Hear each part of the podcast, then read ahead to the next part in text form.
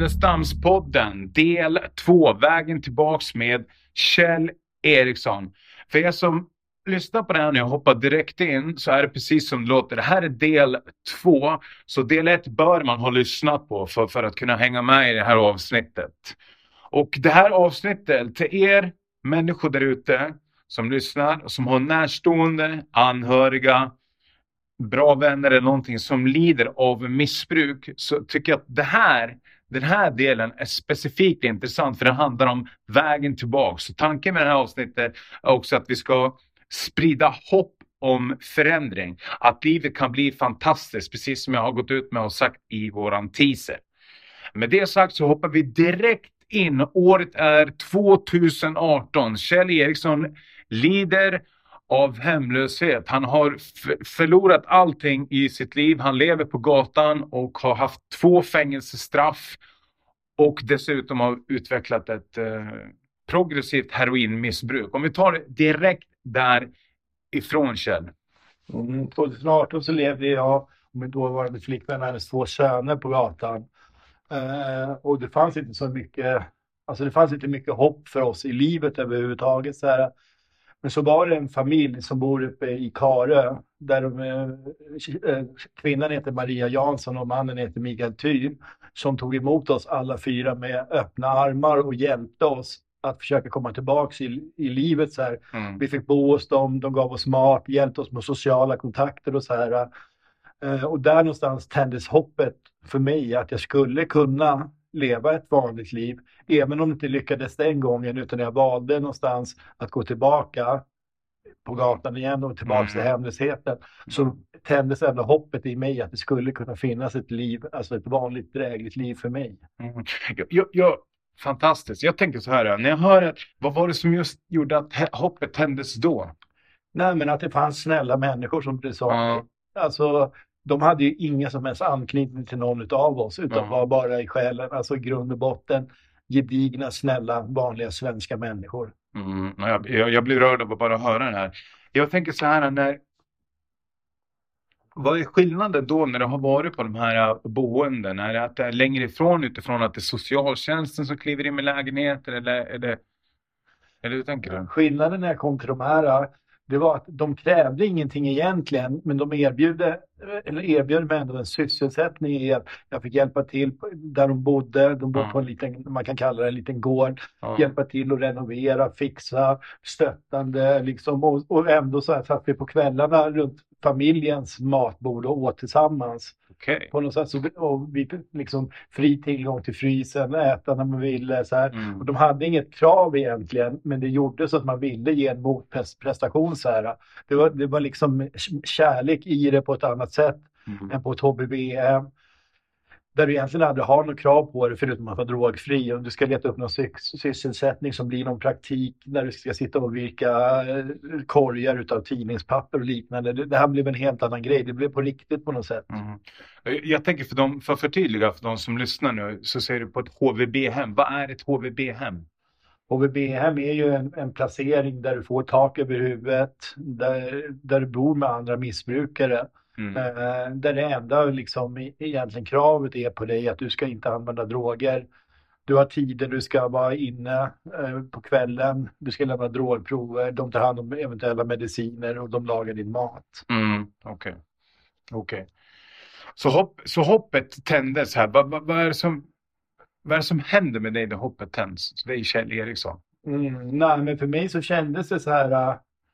Uh, Nej, men att andra människor bryr sig om mig. Ja. Så här. Mm. Alltså jag, jag, och jag kände, fick känna mig omtyckt och jag fick känna mig värdefull på något mm. sätt igen. Och, och, det är en känsla som, som för mig är betydelsefull. Mm. Att känna mig värdelös. Ja. Jag har ju ändå liksom i grunden som, som missbrukare har du i grunden en låg självkänsla. Mm. Och, och för du tycker att, eller känner från andra håll att du är värdelös. Mm Eh, så blir det tufft om man säger. Det, det, mm. Du behöver någonstans ha en gnista, någon som tror på dig, någon som mm. ja, men så kanske ger dig positiv feedback så här. Mm. Och det, det, fick jag verkligen av de här personerna. Mm. De hjälpte mig också att komma in i Östhammar. Jag, blev, jag skrev mig på deras, deras boende. Um, började på kommunservice i Östhammar där man blir utnyttjad kan jag säga. Mm. Men, men tanken var god i alla fall. Och så här, alltså genuint snälla människor Mm. utan någonting, någon som helst motkrav. Mm. Alltså det var fint. Det var länge sedan jag hade mött något sånt. Mm. Eh, Ute i missbruket är det ju inte så. Mm. Så självkänslan fick en boost? Ja, det Okej, självkänslan fick en boost utifrån att människor trodde på det. egenvärdet. Ja, och eh, det här var 2018 och sen var det, gick du därifrån och sen in på behandlingshem i Norrköping? Nej, därifrån så... Det började med att min, att min dåvarande flickvän stack därifrån. Okej. Och sen hennes ena son. Och sen gjorde jag det. Mm. Så vi drog varandra tillbaka ut i missbruk om man säger så. Och till slut gick den fjärde därifrån också. Ja.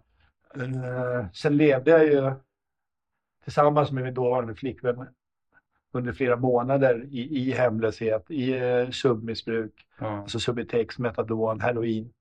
Eh, ja, men tills hon lämnade mig någonstans. Och under, i slutet där, det blir väl sensommar, början på hösten 2019, Mm. så började jag känna att jag vill ha hjälp Mm. och gick till socialkontor för att få hjälp.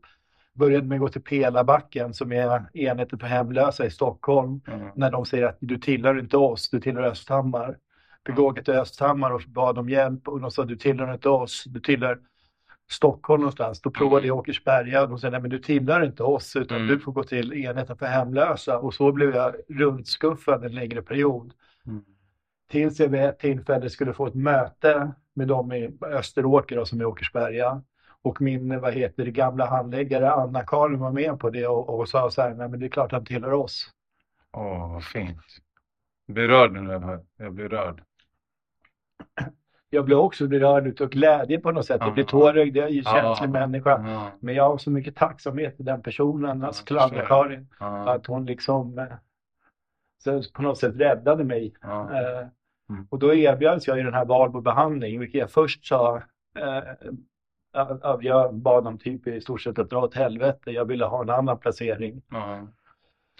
Vad var det som gjorde att du ville ha en annan placering än dem får? Just då så ville jag ha Laro. Okej. Eh, Va- Vad är LARO? Laro är substitutsbehandling för heroinmissbruk, alltså att man får Okej. Subutex från staten om man säger från, eh, så som läkemedel. Eh, jag ville bo på Rogård som ett arbetskooperativ. Jag ville egentligen inte göra någon behandling sådär. Ja.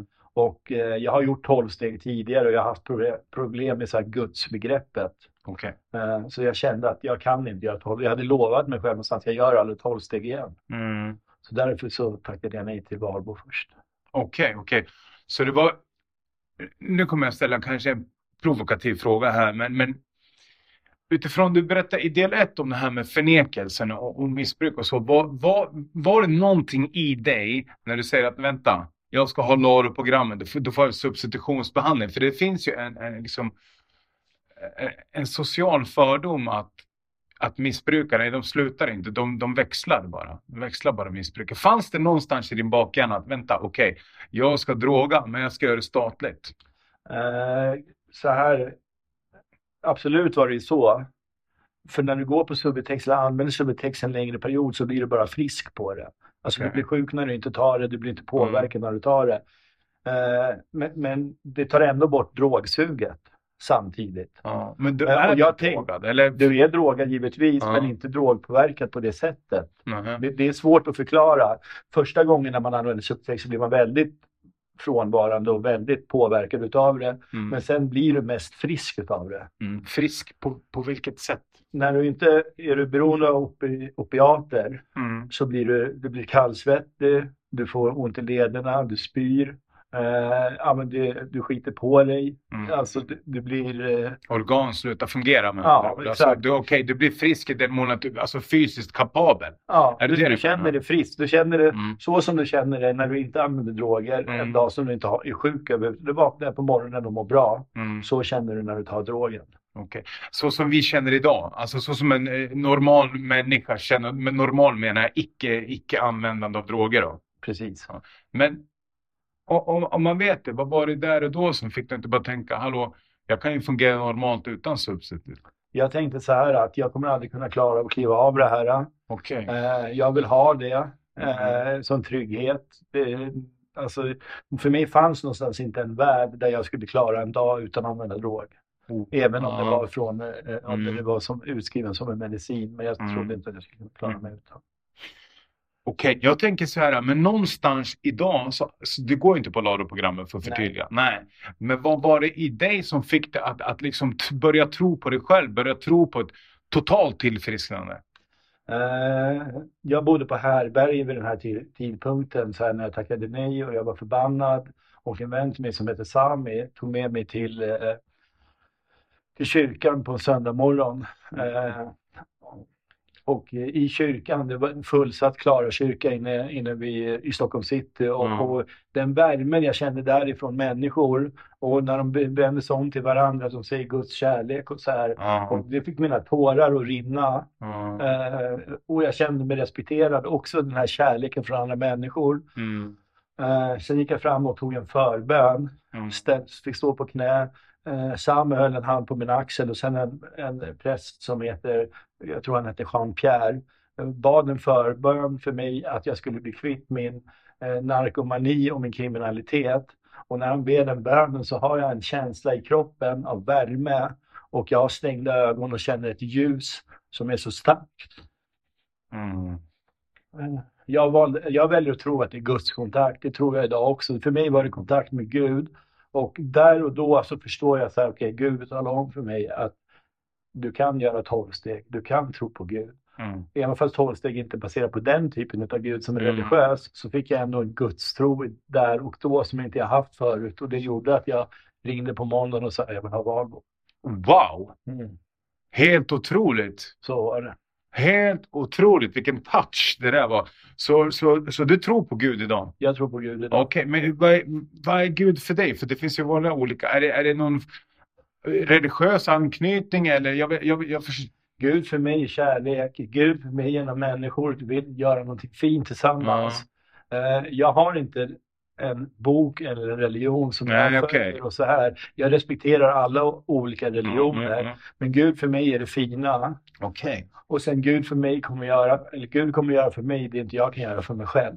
Så här, och jag ser Mm. någonstans att jag har hela, hela mitt liv har jag haft Gud med mig. Mm. Jag har inte förstått det, jag har inte haft förmågan att ta emot det. Mm. Först när jag att ta emot det så kommer det ge mig någonting tillbaka. Alltså då kommer det ge mig det som jag saknar själv. Okej, häftigt. Andlig upplevelse tänker jag på nu, när, när det du beskriver snarare än religiös. Och skillnaden, skillnaden för mig när jag säger andlig upplevelse, när, när jag pratar med dig, det är ju en andlig upplevelse. Det är precis som här, sin egna ande. Om man ska säga så, sitt egna väsen, sin egna själ eller etc. Och, och det har ju ingenting för mig heller med, med, med religion att göra. För, för mig är det att må bra och för dig är det ju vad jag förstår kontakt. Men sen det, det återkommande som jag, när jag lyssnar på dig, det är det här att, att du säger att du fick värme av den här familjen och sen så säger du också att du upplevde den här värmen och närheten och kontakten där i kyrkan också. Någonstans där kanske. Eller Mm. är jag ute och cyklar? Nej, men absolut är det det. För man, kan, man brukar säga så här äh, att man är ute i kylan när man använder. Mm. Man är ute i kylan när man inte har någonstans att ta vägen. Och det stämmer väldigt mycket. Du vet, mänsklig kontakt. Att veta att andra människor bryr sig om en. Eh, det är ju drivkrafter för att leva ett friskt alltså, och ett fint liv. Ja. Alltså en människa är är ju ändå gjord för att någonstans vilja ha närhet. Mm. Och utan sån närhet Mm. så, så går det ju åt fel håll. Gick det för mig åt fel håll? Jag kan ju inte Mm. prata om alla, men för Nej. mig går det åt fel håll. Utan den, den typen av kärlek. Men får jag fråga en sak? Här. Det här, det här, någonstans för mig låter det här ändå som ett val. Det är du som väljer att ta emot den här familjen. Det är du som väljer att gå dit. Det är du som väljer att gå till den här kyrkan. Samma, om man, om man lyssnar på del med dig, så är det du som väljer bort den här sociala kontakten. Att det är du som väljer att, att, att umgås mer med, med, med andra som håller på med droger. Det är du som väljer att säga upp det. det för, förstår du någonstans vad jag menar? Det låter någonstans som att valet, det, det är du som har gjort valet att ta emot värmen också. Ja, så, Alltså så- nu, nu, nu formulerar jag- mig som värme. jag, jag, håller, jag håller med dig så här. ä- Alltså vi är ansvariga för alla val vi gör i våra liv. Mm, Oavsett vad vi påverkas utav. mm, Eh, Jag påverkades mycket av negativa saker, mycket av mig Mm. själv och mina negativa känslor och gjorde dåliga val i mitt liv. ja, Och när jag var utslagen på botten och inte hade något alternativ längre, så Ja. valde jag att ta emot hjälp som kanske har erbjudits mig flera gånger tidigare. Men jag Ja. har inte sett det eller har inte velat Okej. se det. Jaha, okej, okej, okej. Så någonstans, någonstans, om jag förstår det här rätt, så kände du att du var bortom räddning? Eh, tidigare kanske jag tänkt att jag kanske inte behövt räddningen. Ja, Ensam är stark, jag kan själv. ja, Eh, jag och min dåvarande flickvän, hon och jag mot världen. Hemlösa, världen i vårt vardagsrum, ingenting kan stoppa oss. Du vet, Oj. eh, försöker ljuga för sig själv att det är fantastiskt. Och sitta på centralstationen och titta på ett, Avinsson, eller ett avsnitt i sin telefon utav Robinson eller något och typ så skratta. Men när det är kallt är det inte lika kul. Så här. ja. Eh, att någonstans se, nej men det här klarar inte jag själv. Jag måste ha hjälp ut. Alltså jag måste Mm. ta emot den hjälp som er, erbjuds. Mm, Och först bli förnekad den hjälpen. Eller till, alltså mm, det mänskliga värdet i det var ju liksom, jag kände mig liksom nollvärd. mm. Men sen när jag fick den här hjälpen, min vän tog med mig till kyrkan, jag fick den här Mm. känslan och så kände jag så här, nej men vadå, jag har, alltså jag hade ingenting att förlora längre. Nej, Så länge jag haft något att förlora, då har jag varit så här, kanske, nej men jag klarar mig själv. ja, okej. Så. Vi pratade ju tidigare här om att eh, värme, värme var en, en stark drivkraft dig. Känna, känna liksom att du, att du får kontakt med icke användande människor, om man säger så. Och icke användande med droger såklart. Och även att, att, att du får, att andra människor tror på dig. Mm. Ja, En betydande del är att få det mänskliga värdet tillbaka. ja, När jag känner att socialtjänsten tycker att jag är värd att satsa på. ja, Så här, för jag är slut, alltså jag, i det läget är jag slut som, vad heter det, människa. Jag är mm, slut som missbrukande eller missbrukare. Min kriminalitet det fungerar inte längre. Jag har ingen som helst sätt att drifta mig själv. Jag är som en trasa som bara ligger och flyter runt i stan kan man säga. Så, här. mm, Eh, så, så att få att människor tror på mig, det satte ju en gnista i att, här, som jag sa när jag kom till Mm. behandling, så här, jag, vill, jag vill inte dö, men jag, jag vill inte leva så här, men jag vill inte heller dö. Mm, Okej. Och Jag, jag, jag tänker så här, så rent objektivt nu, så tänker jag att för de människor som lyssnar nu, som inte har någon som tror på en också, så någonstans så, eh, det beslutet du tog också, det var det var att be om hjälp. Det, det är det första du måste göra. Det Okej. finns ingen Be om hjälp få. alltså. Om du inte ber Ja. om hjälp finns ingen hjälp Nej. att få. Be, be om hjälp. Och då kommer du in här någonstans, eh, de tar beslutet, du kommer in på Valbos eh, behandlingshem. Ja. Mm. Eh, på Valbo så, så gör jag först tre och en halv månad primärbehandling. Och primär, är- det, det är första delen av en behandling Okej. där du egentligen blir uppövad för Ja. att klara av den fördjupade behandlingen där du på riktigt börjar jobba med dig själv. Och Ja. Valbo är en tolvstegsbehandling så man Ja. jobbar med steg ett, två och tre i primärbehandlingen och de Okej. övriga nio stegen gör i den fördjupade delen. Ja. Om du förklarar, alltså för de som lyssnar som tänker så här, 12-stegsbehandling, vad är en 12-stegsbehandling? Tolv steg är ju anonyma alkoholister, Ja. anonyma narkomaner. Ja. Det, det, det är uppbyggt på tolv steg. Ja. Att man i tolv steg går igenom sig själv och, liksom kommer till rätta med sitt liv. Mm. För att göra det enkelt. Okej, så det är, en, det är en form av eh, förlängd eh, självrannsakan där man identifierar eh, brister, egenskaper, vilka förmågor man har. Absolut, och när man på något sätt ska gå in och se sin del i allting som har hänt i ens liv. All ilska man har, man ska se sin del i det. Mm. Eh, Allt man har gjort mot folk ska man på något sätt försöka ta ansvar för och Mm. ställa till rätta i det fall det går. Mm. Eller åtminstone be om ursäkt om det inte går att ställa till rätta. Så Mm. länge det inte skadar någon annan. Mm. Så det är en form att du jobbar med dig själv. Att bli fri från skuld och skam som är stora drivkrafter i, i, liksom, eh, i ett missbruk. Ja, okej. Men jag tänker så här, att, att ta personligt ansvar, det är också att be om hjälp när man är, befinner sig på den där platsen. Så att du fortsätter ta ansvar över din personlighet här, om, om jag har förstått det rätt. Då. Precis, visst är det så. Och, och jobba med, det kallas ju defekter, som, när du väljer att inte agera andligt efter, Mm. efter andliga principer. Till exempel egensinne, eller som du har pratat om innan, att rättfärdigande. Eh, Eller att man ljuger, men att man är i sina defekter. Att någonstans möta defekterna, hitta en andlig eh, motpunkt och försöka leva andlighet. Vilket man inte lyckas med hela tiden. Men vad är, nu, nu, nu, nu, nu måste jag ställa den här frågan. Andliga principer, vad är andliga principer? Andliga principer är till exempel kärlek, Ja, rättvisa, okej. alltså det goda. Ja, det goda. Okej, att det, det, kan, det, det kan ju annars härröra till, till återigen något religiöst eller något. Det, det kan ju låta lite flummigt för en människa som är, som är långt ifrån eh, eh, eh, religiös grund eller någon form av anknytning till det. Förstår du? Det, Det, det är fullt förståeligt eftersom det var ju så för mig. mm, Och, men efter att, att vad heter det, ha förstått eh, 12 steg ja, eh, på ett annat sätt så du behöver inte ha en tro på Gud. Du behöver bara tro på något som är starkare än dig själv. Ja, det kan vara kärlek, det kan vara Mm. egentligen vad som helst. ja, Men någonstans ska du gå ur dig själv och tro på att något är starkare än dig själv. Gå ur eh, den formen av självcentrering där du tror att du är störst, bäst, vackrast, starkast och att det är du Ja. som kan allting. Är det ett behov av att tro på någonting som är starkare än dig själv för att drogerna är någonting starkare än dig själv?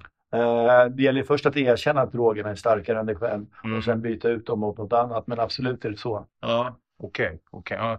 Men vad är det som gör att, om jag får ställa den sista frågan om den här andliga principen. Vad är det som gör att du inte bara kallar det kärlek och rättvisa? Vad är det som gör att du benämner det vid andliga principer? Eh, nej, men jag tror på att alla människor har Gud inom sig. Ja, Alltså andra Ja. principen inom sig. ja, Det som är min moraliska kompass eller typ så här i min magkänsla. När jag, om jag säger till dig typ så här, Ja, Fredrik, vad du, okej. vilken bra Ja. människa du är. ja, Så känns det fint till mig. Medan om jag skulle säga till dig så här, men Fredrik, vilken jäkla skitstövel du är. Mm.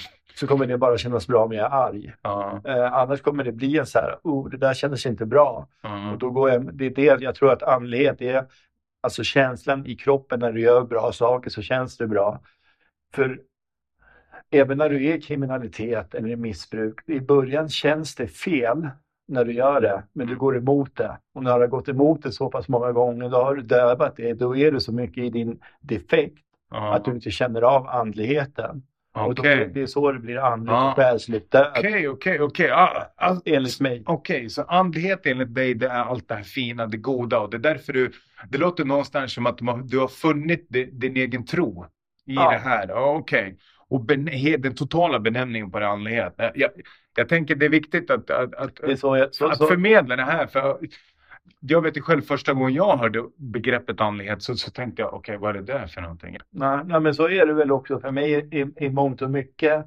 Även fast jag är en väldigt känslig person, så här, och det kanske märks i vissa lägen, eh, så här, att jag är väldigt, eh, liksom, jag är en mjuk person. Mm. Eh, Jag har svårt för fysiskt våld, så här, kanske haft Mm. lättare för psykiskt våld och, och typ så här, ord var otrevlig mot människor och så här.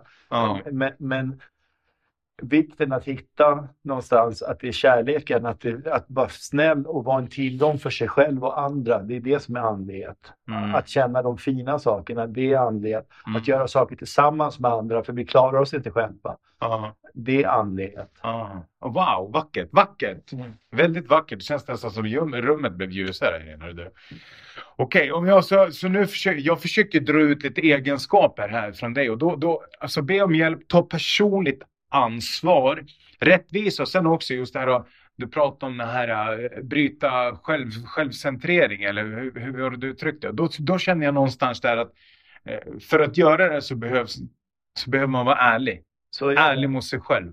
Man behöver vara ärlig mot sig själv hela vägen. För varje gång du ljuger för dig själv Ja. så blir du inte av med det du försöker bli av med. Ja. På samma sätt som om du sitter och dricker vin en kväll Mm. som är missbrukare. Du blir full, du sitter och gråter, kramar om någon och ni kommer, löser era problem. Dagen Ja. efter är problemet detsamma för du har inte nyktert löst det. Mm. Eh, Jag vet inte vad jag ville komma med det, men, men på något sätt, du behöver gå in helt ärligt och, och ta, alltså erkänna för dig själv Mm. till att börja med, alltså vad du har gjort för något. Sen behöver du också kunna erkänna det för någon annan. Du måste också erkänna det inför Gud. Liksom. Du behöver, men först och främst är det viktigt att du är ärlig mot dig själv. Det är det Mm. första. Ljuger du för dig själv har du ingen, kommer du ingenstans. Nej. Och vet, vet, vet jag tänker på? Jag tänker på i del ett när vi pratade om det här med, med förnekelse. När jag, när jag eh, stack ut hakan där mot dig och sa det måste vara skaplig förnekelse där någonstans.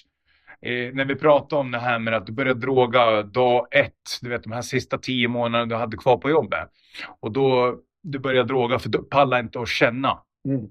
Och egentligen så hade, hade du varit ärlig mot dig själv där och då så hade du kanske någonstans eh, förstått att okej, det här ko kommer få mig att känna kemiska känslor eller vad man nu ska kalla det, alltså konstgjorda känslor.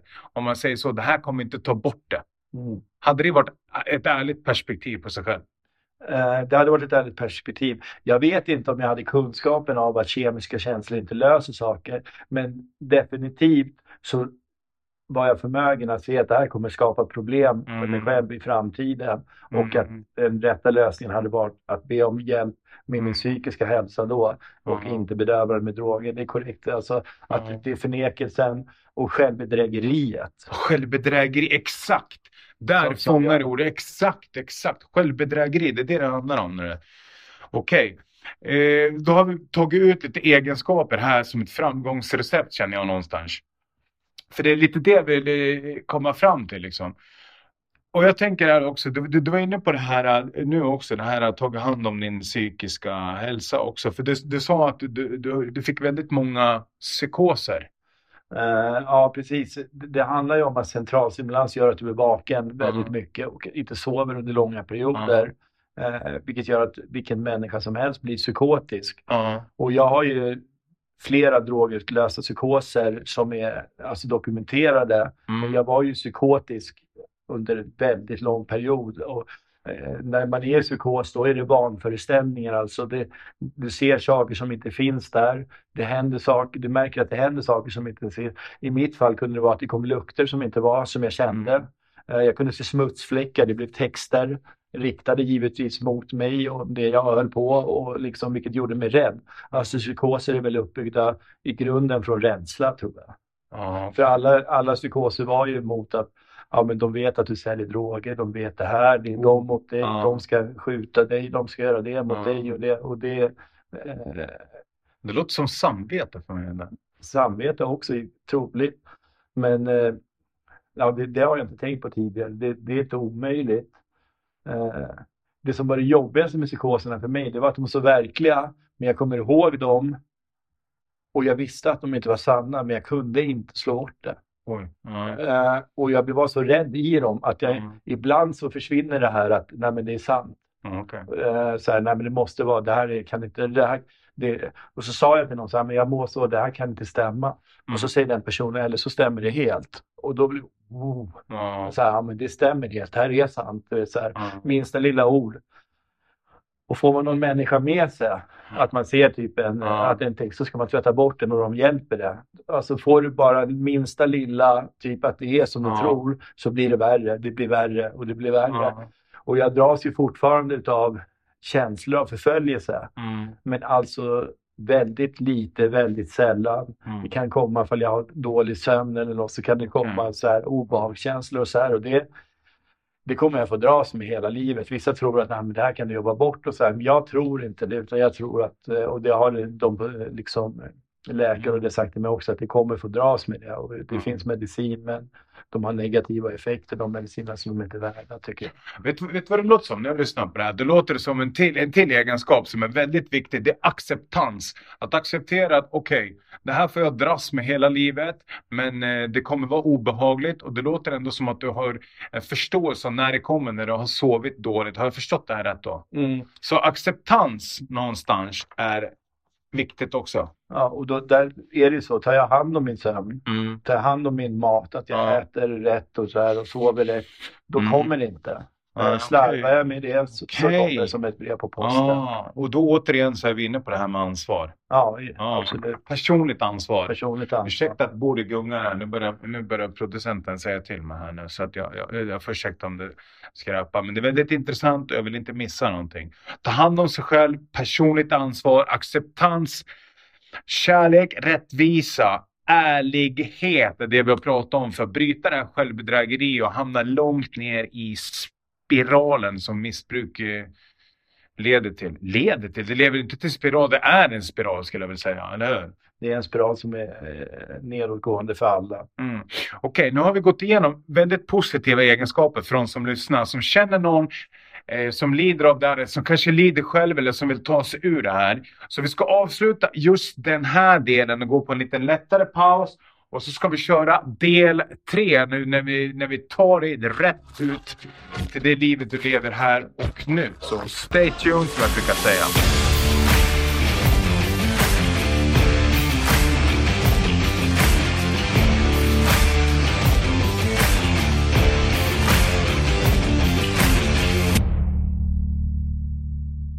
Välkommen tillbaks Gynnestamspodden, Vägen tillbaka, del 2 med Kjell Eriksson här nu. Okej, vi har gått igenom här förändringsfaktorer i del 2. Och nu tänker jag så här, du är inne på Valbo behandlingshem. Eh, det går bra antar jag, eftersom du sitter här nykter och drogfri. Men att göra en behandling, det, det, får man ju inte jobb av. Man får ju inte en bostad av att göra en behandling. Utan, utan hur, hur såg den processen ut? Från 2019 och behandlingen till, till, till där du är nu? Mm.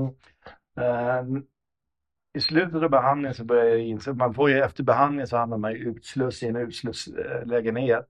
Okay. Och, och vad heter det, Valbo är ju en sån organisation som släpper ingen ut i hemlöshet så länge man gör bra ifrån sig. Okay. Uh, jag har sett folk som har gått före från behandlingen som valt att jag har ingen gymnasieutbildning så jag tänker, men okej, jag gör som andra har gjort, sökt till folkhögskola. Mm. På folkhögskolan har de internat.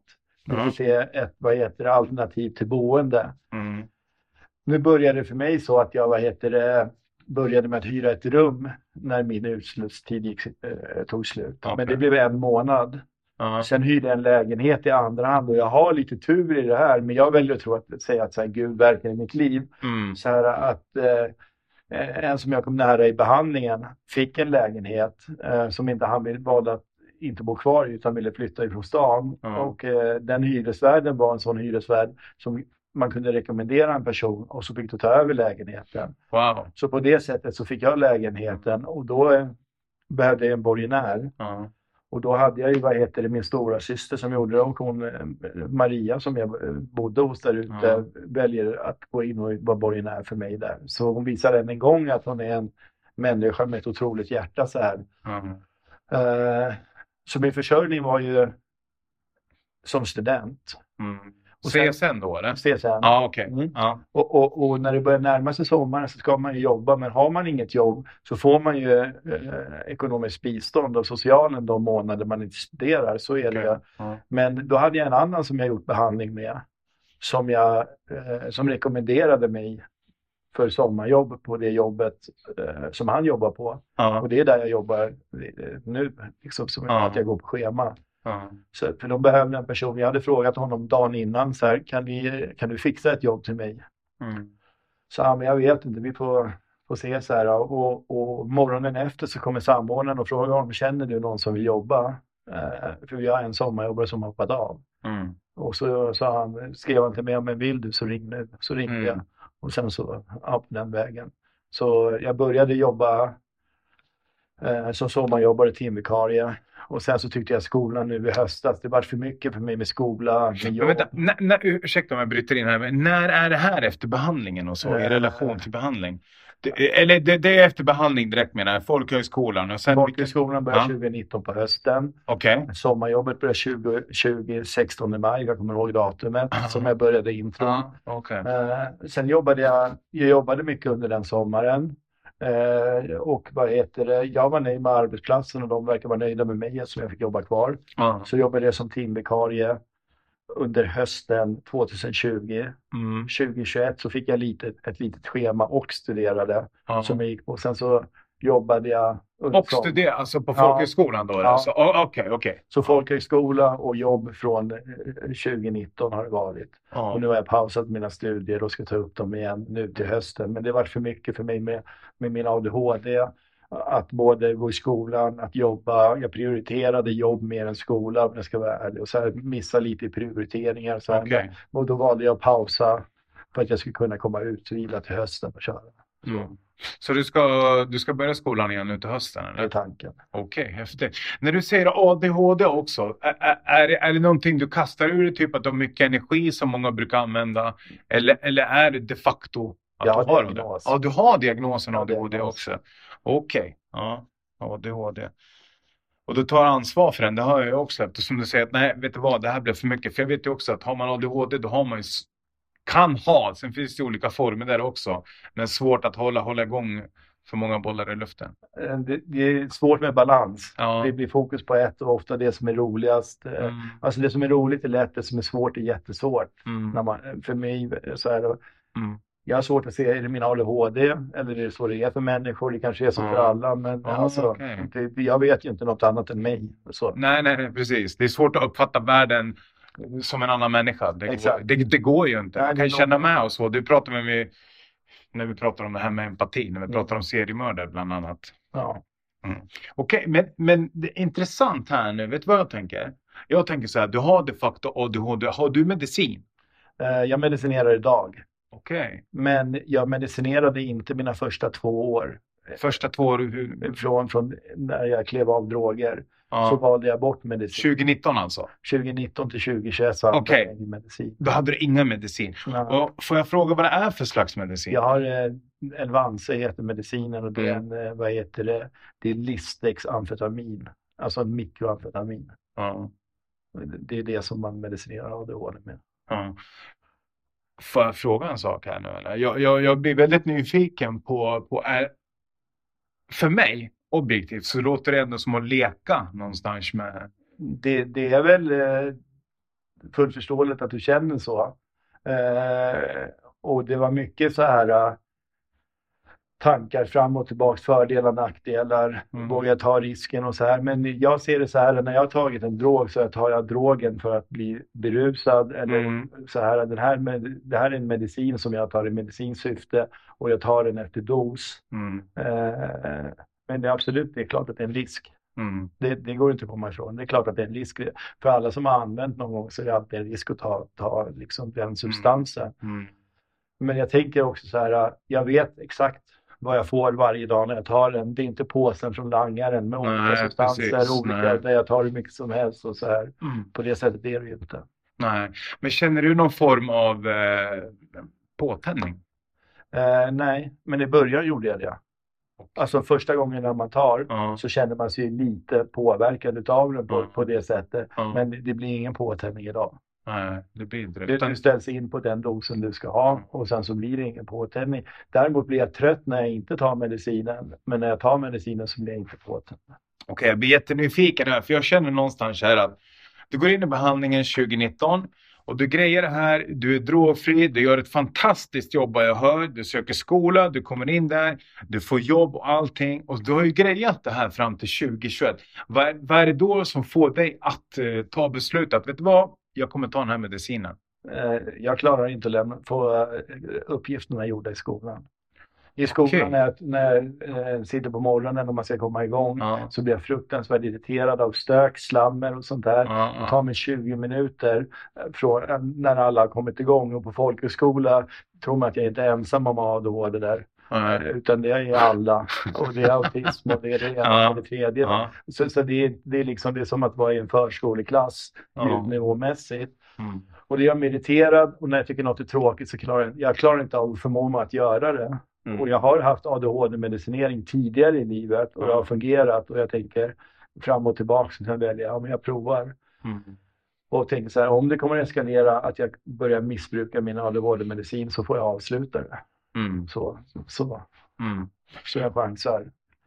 En ADHD-personlighet är också impulsiv. Ja. Eller eh, re, redo att ta risker om man säger. Ja. Okej, så, så att du, du blir mer, eh, som jag förstår du får uppgifter gjorda nu. Du klarar av att hantera livet lite, lite bättre nu. Eh, ja, med betoning på lite. För, för, men i huvudet så är, jag, är det mycket skönare. Mm. Eh, om jag säger så här, exempel att jag sitter på en spårvagn Mm. och fem olika grupper sitter och pratar så kan jag välja att inte höra någon. Förut var jag tvungen att höra alla fem samtidigt. Okej. Det är skillnaden. Vilken stress. medicin. Det är en stress. Vilken stress det där låter som. Det är en stress och vad heter det? Eh, nej men förmågan att kunna välja vad jag vill lyssna på. Mm. Förmågan att inte lyssna alls. Och förmågan att typ så här, men nu gör jag det här, sen gör jag det där, sen gör jag det. Mm. När man städar och har ADHD, då tenderar man att flytta runt högar. Ja. Nu ligger högen där och sen Okej. ligger den där och sen är den där och det är aldrig klart. ja. Så du kan planera och sortera och strukturera nu? Jag kan göra det bättre. Ja, du kan göra det bättre. Inte Okej. perfekt. Intressant, intressant. Jag, jag tänker så här någonstans, när jag, när jag hör på det här och så eh, har du haft ett tidigare missbruk av just, just amfetamin. Eh, nu när jag hör det här, då tänker jag direkt så här, men var det någon form av självmedicinering du började med?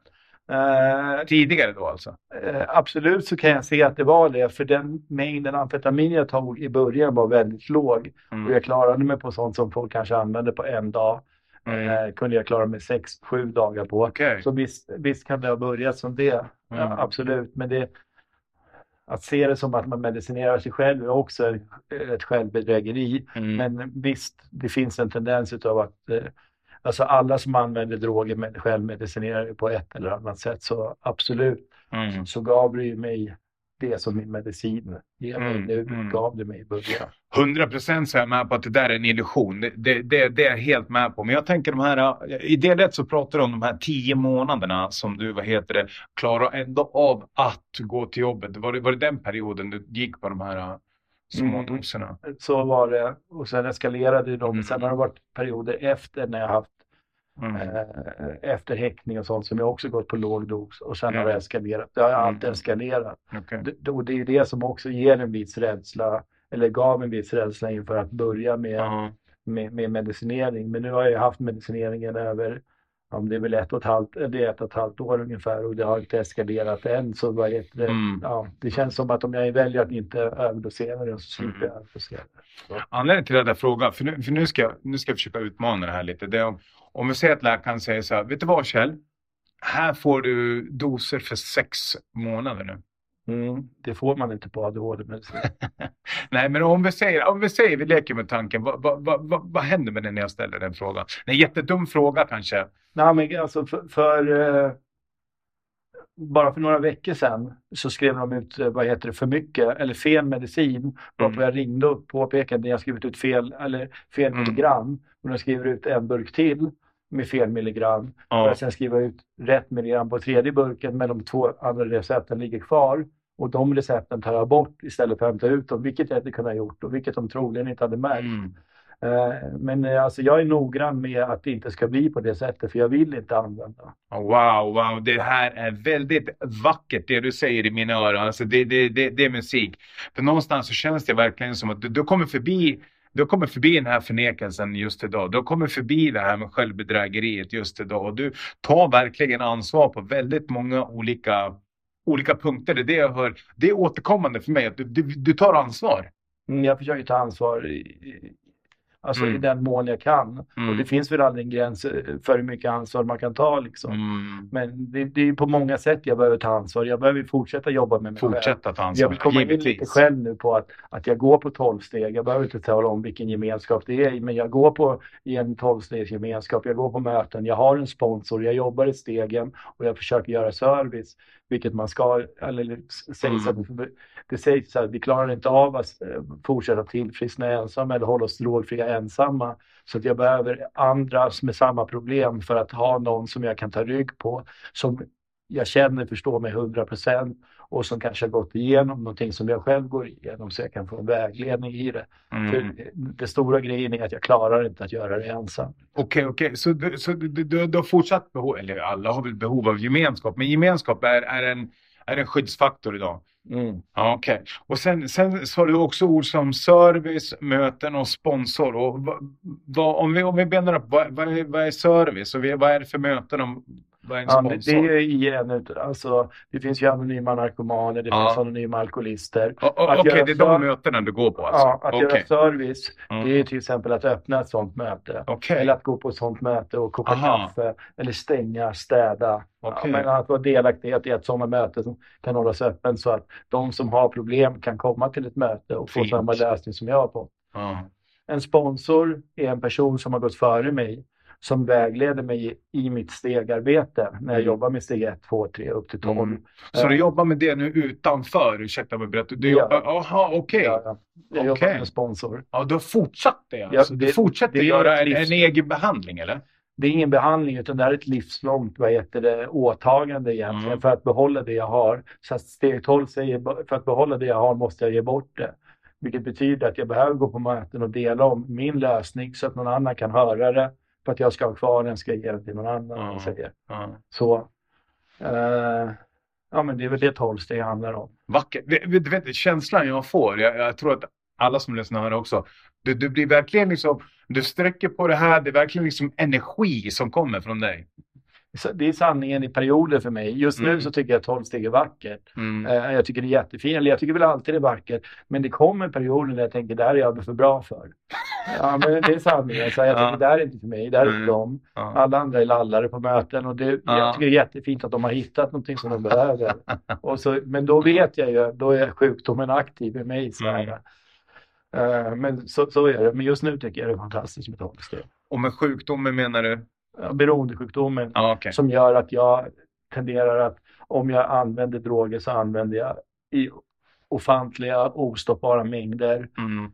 Jag är inte den som sätter mig och dricker ett, två glas vin, Nej. käkar tre ostron och tycker att kvällen var fantastisk. Utan dricker jag två glas vin då blir det ringa till någon, jag köper amfetamin och så här Ja. 14 dagar senare bränd, står jag med sexpack folköl på skällmacken och fattar inte vad som har hänt. Det är liksom så. Du ser hela filmen idag om man ska säga det. Det där, det där är vackert att höra. Och, och en, en fråga till dig nu, för nu har du valt, eh, vad jag hör och förstår, den här vägen att du, du väljer att som så många andra gå på NA-möten och AA-möten.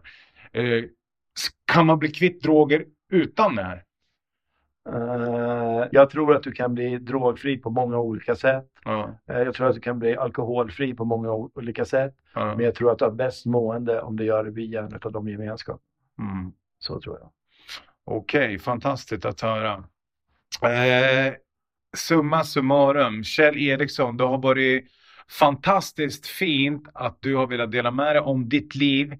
Både i motgång och även nu som att leva i en framgång. Och med framgång så menar jag att du, du är drogfri, du har en bostad, alltså du har ett jobb, du har en fin gemenskap och med det så vill jag fråga, hur är kontakten eh, med din son idag? Eh, kontakten med min son sker via hans mamma. Ja.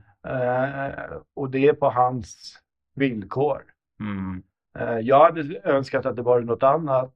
Men jag kan ändå samtidigt vara ödmjuk i att han inte, att han är rädd om sig själv. Jag har kommit, jag har försvunnit, jag har skadat honom. Mm. Så här.